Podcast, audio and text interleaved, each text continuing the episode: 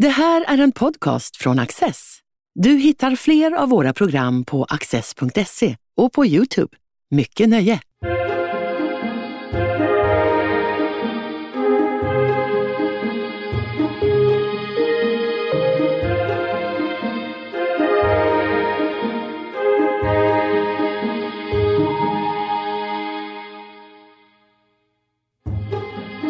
Björn Sjöstrand har nyligen disputerat i kemiteknik vid Karlstads universitet. Tack vare hans forskning kan papperstillverkare optimera sina maskiner via en dator utan att störa produktionen. En vinst för såväl ekonomin som miljön. Björn Sjöstrand, välkommen hit. Tack så mycket, kul att vara här. Tillverkning av papper är en stor och viktig industri för Sverige och här har du gjort en ordentlig insats som vi ska prata om alldeles strax. Men jag skulle vilja börja med att fråga dig, du som kemitekniker, vad födde inspirationen till att vilja ägna sig åt just kemiteknik? Ja, det är en ganska bra fråga. Det var ju egentligen ingenting som jag... Jag visste inte riktigt vad det var först när jag började plugga en gång i tiden, utan jag började på kemiämnet. Och det var nog mest för att jag hade en gymnasielärare som var riktigt rolig. Han såg ut som Petson ungefär, alltså den här sagofiguren Petson. Eh, och gjorde väldigt mycket roliga experiment med oss på kemin i gymnasiet då. Eh, och sen så hade jag också väldigt många andra bra lärare och egentligen var biologi det som jag tyckte var roligast. Eh, men när jag kom till universitetsnivå så tyckte jag väl att biologi blev lite för mycket räkna, räkna växter och ögon på fiskar och sånt där för min smak. Så då svängde jag ganska snabbt in på kemi. Och när jag väl var på kemi, då började jag liksom tycka att Åh, det här var jättekul. Liksom. Och vad var det som lockade då? Ja, men det är den här att man förstår, man förstår hur saker och ting fungerar. Liksom.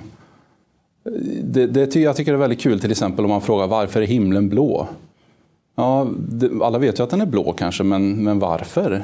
Kunna förklara det. Och då är det såklart, då kan man både kunna fysik och kemi och biologi, men kemin för mig blev mellanläget liksom, på något sätt, där man både förstår det lilla men också det stora. Då. Så liksom kombinationen där tyckte jag, kemi just.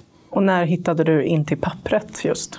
Ja, och då, då kommer man in på mer kemiteknik. Och jag brukar säga att kemiteknik är som när man använder kemi till någonting i industriell skala, då börjar man kalla det för kemiteknik. Men det är ju väldigt mycket kemi fortfarande kvar. Eh, och just pappret, det är väl eh, Ja, dels är det väldigt många som frågar mig, hur kan man forska på papper? Liksom? För det är ju en väldigt oteknologisk produkt. Eh, och det stämmer att det är delvis ganska oteknologisk produkt, liksom själva pappersarket. Men då är det ju processen istället som är spännande. Men för mig är det mest att man kan göra massa spännande material av skogsråvara. Så det är liksom en förnyelsebar råvara och en nedbrytbar produkt. Och där ligger tjusningen för mig egentligen. Och hur ser papperets historia ut i Sverige? Om man, om man bara ser till själva pappret som uppfinning, då har vi ju haft det sedan länge och då har vi väl fått det egentligen från Europa, kanske holländare och tyskare någonstans där, alltså med Gutenberg och tryckkonst och så här, då fanns det ju papper. Och man tillverkade papper liksom med handkraft, eller vad man ska säga, handarkformning brukar man kalla det. Eh, och där man egentligen samlade in lump, alltså gamla trasor och uttjänta kläder och sånt. Försökte separera de här bomullsfibrerna som då består av cellulosa, som är samma sak som ett träd består av. Eh, och sen gjorde man liksom handark av det. Extremt dyrt. Det var egentligen bara kyrkan som hade råd med papper för att göra böcker. Eh, och då är det ju så här, var kommer, alla bra uppfinningar kommer egentligen från England och Storbritannien. Eh, Likaså den här kontinuerliga pappersprocessen eh, som är den vi fortfarande använder idag. Så det var någonstans tidigt 1800-tal där man kom på att istället för att hälla i sin pappersmassa i en form och skaka på den en stund och sen låta det torka så kunde man hälla i pappersmassa som var blött i ena änden och så låta det gå som på ett löpande band och torka under tiden och sen i andra änden fick man ut en kontinuerlig liksom, pappersrulle helt enkelt.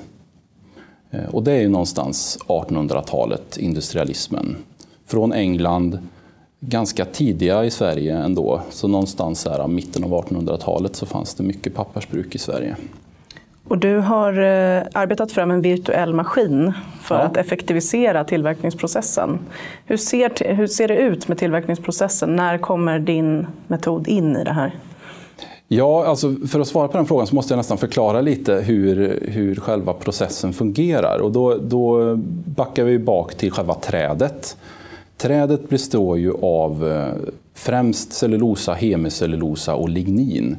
Där cellulosan är som något slags, eh, ja det, det sitter ihop i knippen som blir som träfibrer.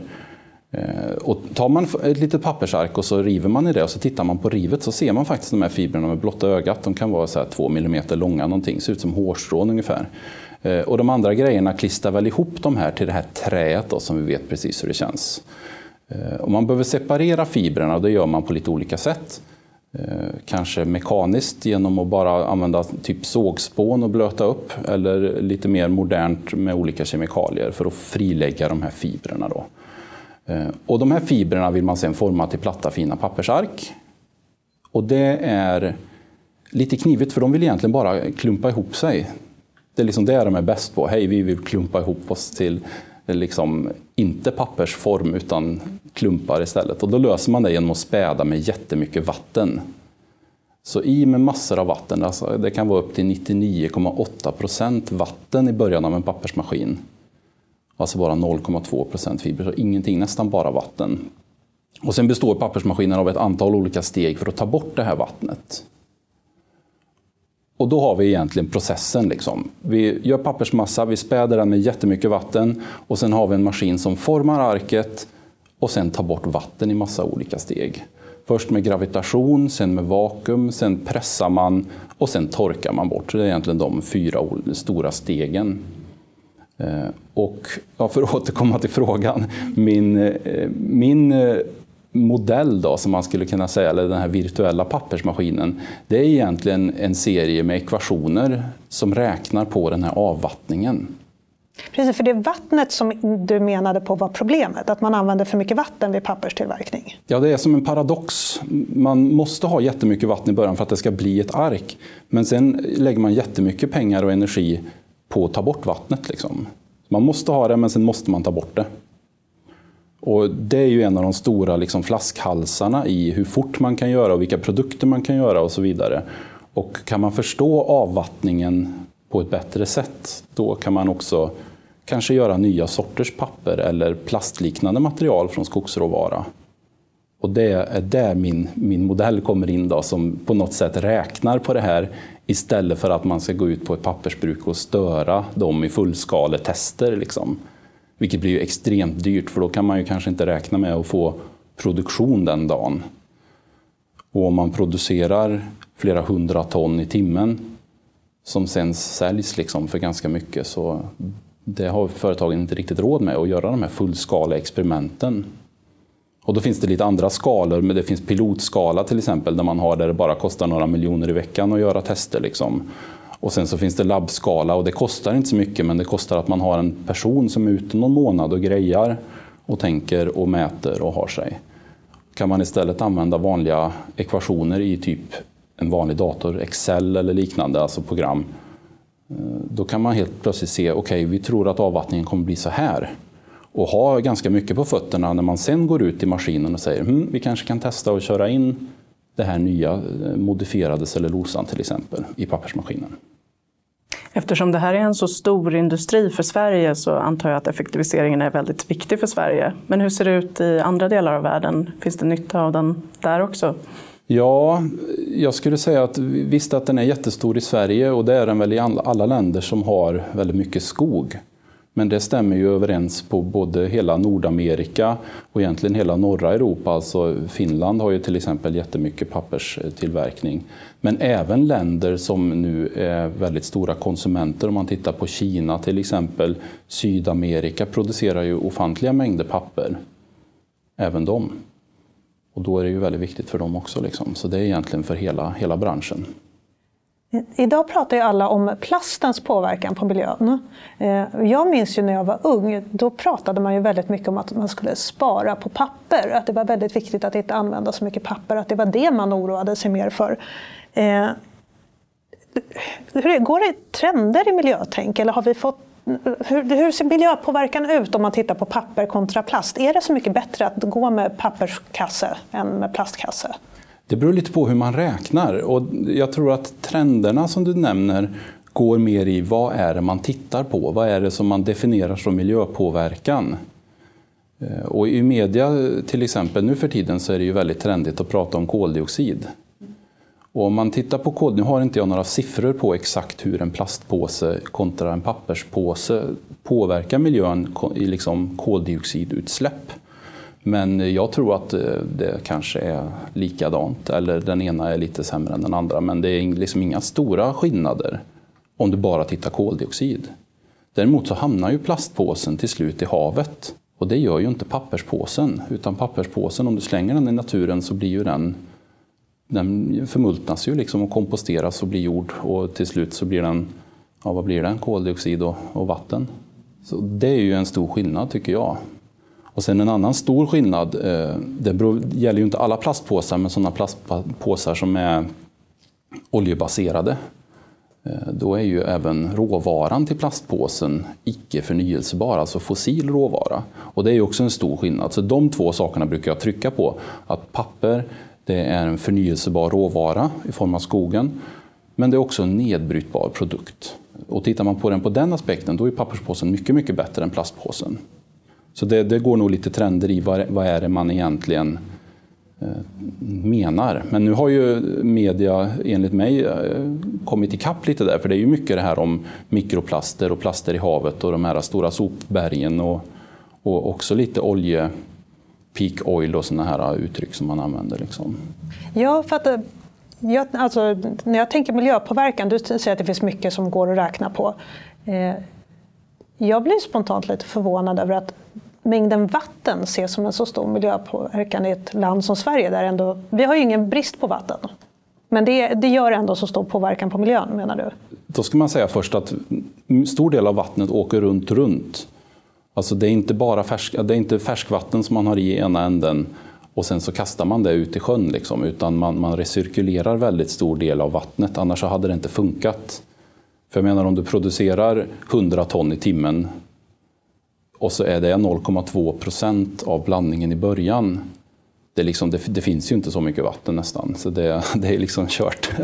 Eh, så, så, man recirkulerar det väldigt mycket, men vattnet har ju en miljöpåverkan. Men det som jag pratar om, det är ju egentligen det här att det kostar energi, ibland i form av fossila bränslen, alltså att man får elda olja för att få den här energin, för att ta bort vattnet. För du måste tillföra energi för att ta bort vattnet. Till exempel alltså att du måste stoppa i kontakten i hårtorken för att blåsa håret torrt. Och själva vattnet i sig är ju ganska lite i håret, men, men det, är liksom, det är energin som, som går åt i fläkten på något sätt. Så det är det som jag pratar om när jag pratar om energieffektivisering av pappersprocessen. Sen så finns det självklart också en aspekt med det här med färskvattens åtgång och så. Och det är ju inte ett stort problem här som du säger, men i Sydamerika eller Asien kanske det inte finns jättemycket färskvatten. Och då är det ändå några kubik per ton som man, man skickar in. Berätta lite mer om arbetsprocessen för dig som forskare. Ehm, hur, hur har det sett ut? Har det varit ute mycket på industri, även om det ska undvikas också, som du har tagit fram den här modellen för? Ja, eh, mitt mål är ju att kunna göra en modell så att man inte behöver vara ute på, på labb eller på, på maskinen. Men för att kunna göra modellen, då måste man vara där jättemycket.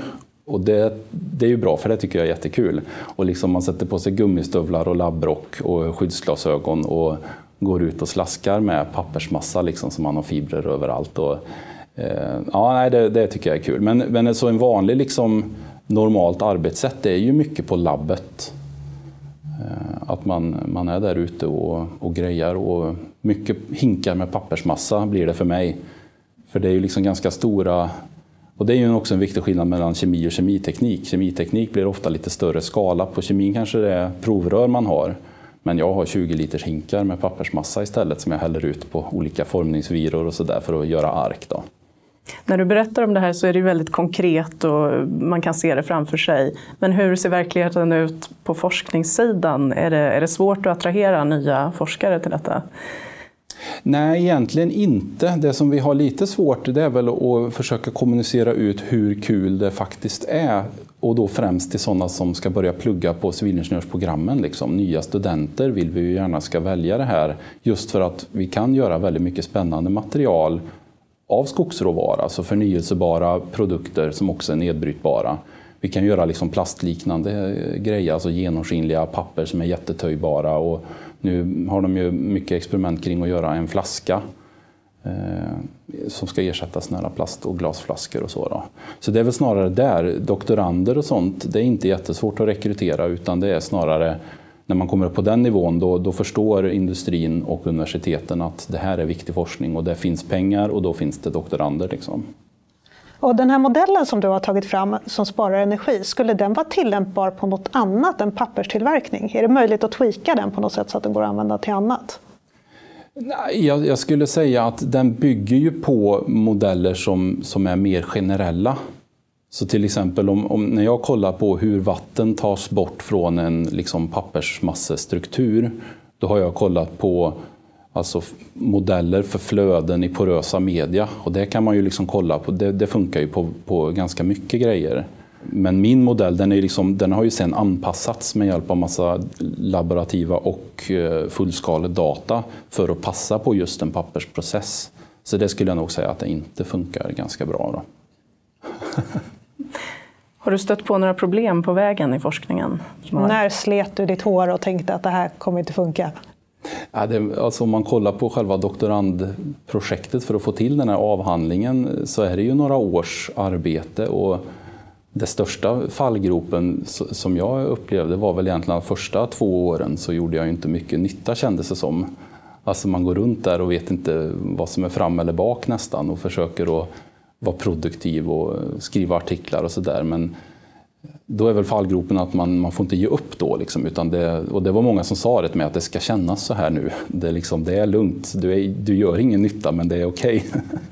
Okay. ja, men är inte det lite poängen med doktorandtiden? Det är ju faktiskt en forskarutbildning. Precis, man får se det som att man är studerande. Liksom. Även om man nu får lön för det i Sverige, vilket är ganska udda. Men det är liksom en utbildning, precis som du säger.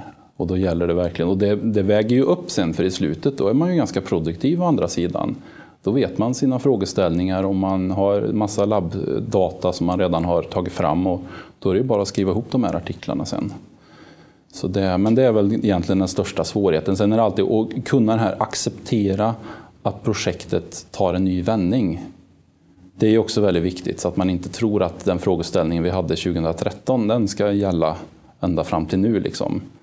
Utan acceptera att nej, nu dök det upp någonting här mm, de här data sa tvärtom mot vad vi trodde, då får vi ta, ta omtag, kolla litteraturen igen, vart ska vi ta vägen nu? Liksom? Och om man tycker att det är okej, okay, vilket det är, då, då har man mycket, mycket för sig. Liksom.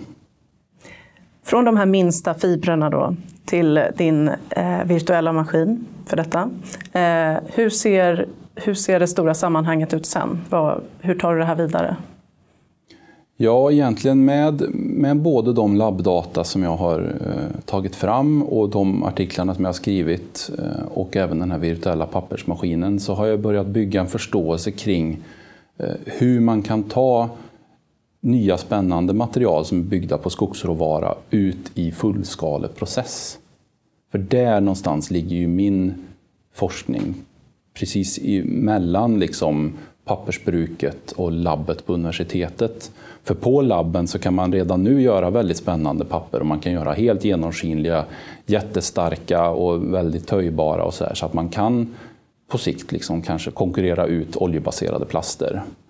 Eh, men vi är inte riktigt där i fullskalan än, för om man ska göra det i en, en liksom pappersliknande process, som det ändå kommer bli då kanske först, då måste man förstå den här avvattningen som blir. Och då hör det till saken att om man modifierar sina fibrer, till exempel så att det ska bli genomskinliga papper eller något annat, eh, då brukar det ofta följa med att avvattningen, som redan är väldigt svår, den blir ännu värre. För till exempel arken är väldigt täta och fibrerna ligger väldigt, väldigt nära varann eh, i vissa typer av modifieringar. Och då får man liksom inte ur, ur vattnet ur det till exempel. Och då måste man förstå det och då måste man parera det på något sätt, modifiera sin process. Eh, så där är väl egentligen utmaningarna som vi fortfarande jobbar med, processbarheten av de här nya materialen. Hur ser det ut när ni arbetar tillsammans? Är ni eh, kemitekniker allesammans? Hur många är ni? Hur, hur ser vardagen ut så? Under min doktorandtid så, så, var vi ju ett ganska litet team då, där vi hade, jag hade en huvudhandledare som inte var kemitekniker, även om han har väldigt stor kompetens på det området. Liksom. Men det är ju lite så här, vilket ämne man hör till. Men, men han eh, hörde till vårt energi och miljö, kallar vi det ämnet. Liksom, och jag är på kemiteknik. Då. Och, men det är egentligen mycket av samma. Eh, och, men då har vi varit ett ganska litet team egentligen. Jag hade ju en huvudhandledare och sen två biträdande handledare och så var det jag. Det var väl i stort sett vi som höll på med det. Och tittar man på det stora hela, så om man bara eh, räknar processbarhet och liksom pappersprocessen som sådan så är vi ganska få som forskar på det, både i Sverige och i världen. Det liksom så att experterna, man vet vilka de är och man känner igen dem när man ser dem, så här, men man vågar inte gå fram riktigt. Men, men i alla fall.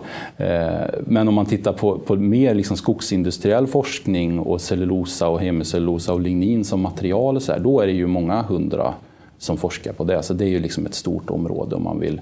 Men framförallt kanske materialforskning, att de, de försöker ta fram de här materialen och jag försöker ju se istället hur kan man eh, anpassa sina processer så att de går att tillverka i större skala, liksom, precis som vi har pratat om.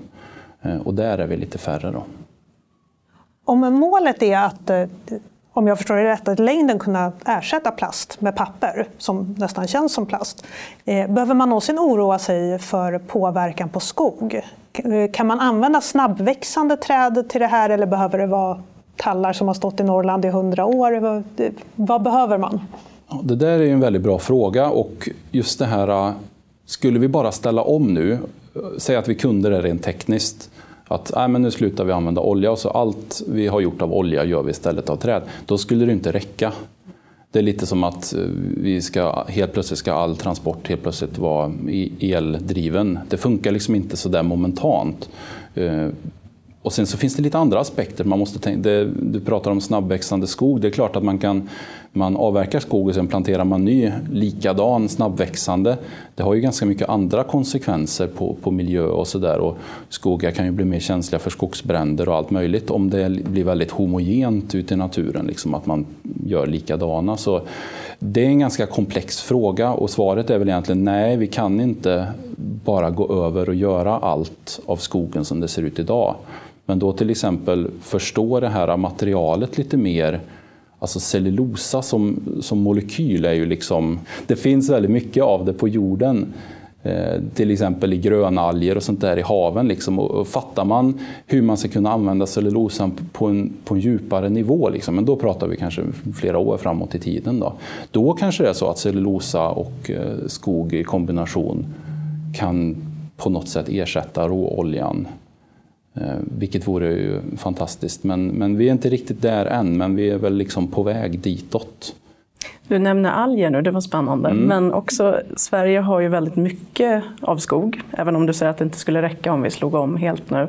Men om, eh, om vi tittar ut i världen, var, var finns nästan Sverige så att säga? Vilka fler är det som har skog på sån nivå som vi har? Alltså om man kollar procentuellt sett så har ju Sverige och Finland väldigt mycket.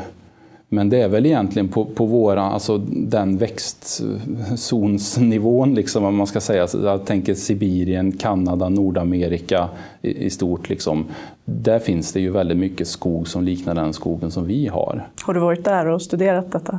Ja, egentligen inte. Jag har bara varit där privat nöjesresa liksom, och kollat på, på träd eh, i Nordamerika som så, de här jättemegaträden. Liksom, och det var ju fantastiskt. Men nej, egentligen inte av den anledningen. Jag ville ställa en fråga till dig som skulle vara livet efter pappret. Vad händer då? Men nu får jag en känsla av att det är, det papper som gäller. Det, ja. Är det där forskningen fortsätter för din del? Ja, jag tror det. Att, jag tycker att det här är fantastiskt spännande. Sen så kan, kan det ju vara närbesläktade, alltså till exempel det här med att göra tyg av skog istället för bomull. Det kan ju vara ett väldigt spännande område som jag har varit inne och nosat lite grann på. Sen kan man ju också göra alltså mer konventionella termoplaster som vi har från olja idag, till exempel av den där eh, tredje komponenten lignin som jag pratade om. Och det vore också väldigt spännande att, och börja grotta lite grann i eh, vad kan man göra av ligninet? Vad kan man göra av hemicellulosan så man ser liksom hela träden snarare som att trädet blir som en råolja där, där man kan liksom raffinera fram olika fraktioner och det här ska vi göra papper av, det här ska vi göra eh, kläder av till exempel och det här gör vi klister ifrån och det här gör vi ja, plastliknande material då, eller bioplaster.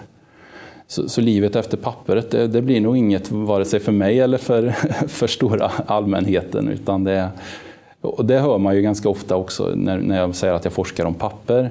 Är inte det på väg att dö ut, frågar ju folk. Eh, och det kan det ju vara i vissa segment. Tänker man tidningar och böcker då? Eller vad? Ja, men lite den, det som iPaden eh, konkurrerar bort. Liksom. Det minskar ju. Jag vet inte om det kommer försvinna. Det känns ju lite främmande just nu, men det vet man ju aldrig om hundra år. Eh, men då ser man ju snarare att eh, olika typer av mjukpapper, alltså som toalettpapper, hushållspapper, men också de här olika kartong både wellpapp och vätskekartong och den typen av förpackningssegmentet. De tillsammans med mjukpappret ökar ju lavinartat. Ja, precis. För pappersemballage använder man ju nu istället för plastemballage. Precis. Eh, miljöaspekten ja, där. Och folk säger att internet konkurrerar ut papper, liksom, men det är ju snarare tvärtom. att om beställer du någonting på internet så kommer det ju hem i en pappersförpackning. Och man ser nu saker som tidigare var konservburkar, som alltså krossade tomater och, och den typen av grejer. Det är ju ofta kartong nu. Det kanske man inte tänker på. Glasburkar blir ju också i stor utsträckning kartong. Björn Sjöstrand, stort tack för att du ville komma hit. Tack så mycket. Vi har fått lära oss eh, att papper är framtiden. Tack för att ni har tittat. Du har just lyssnat på en podcast från Access. Du vet väl att vi också är en tv-kanal och tidning? Teckna en prenumeration idag på access.se.